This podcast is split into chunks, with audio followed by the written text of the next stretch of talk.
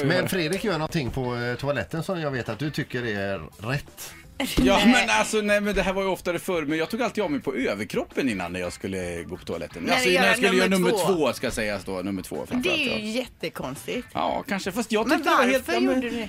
Jag tyckte det var logiskt då. Först och främst hade jag skjorta på mig ganska ofta förr och då eh, på något vis så var det, och så läste jag gärna när jag satt på toaletten och då var det bökigt tyckte jag att hålla i skjortan under armarna sen när man satt och läste. Tidningarna var så stora, du vet morgontidningarna, det var bökigt att hålla i skjortan där.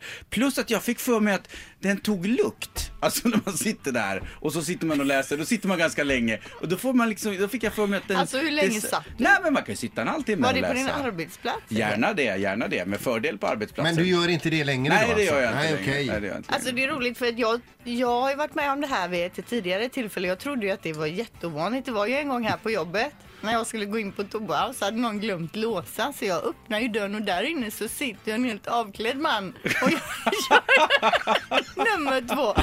Så jag menar om det nu är så att man måste klä av sig när man ska bajsa då får man ju banne mig komma ihåg att låsa dörren. Det tycker jag att man ska göra överhuvudtaget om man ska gå och bajsa faktiskt. Vi ska bara säga, jag, jag var ju med när detta hände och eh, Ja. li- då kommer Linda fram och säger Vet du det, jag var precis Och så viskar hon och berättar hon och var så här, ja där inne satt en, en kille med eh, helt bar överkropp och så vidare. Va? Det var bara det som, det var ingen idé att viska för jag menar, du, det- alla visste ju inom loppet av 10 minuter visste ju hela Du hade stationen. viskat till alla. Ja. Stackars kille. Ah, nej men det var hemskt. Jag kunde ju aldrig mer kolla honom i ögonen. Han jobbar ju inte här längre. Men saker man gör annorlunda, man får gärna höra av sig. Laura, du hade någonting om det också va? Ja, det hade jag. Eh, Jag har en eh, son som eh, gör detsamma. Eh, Och jag har faktiskt också gjort det när jag var yngre.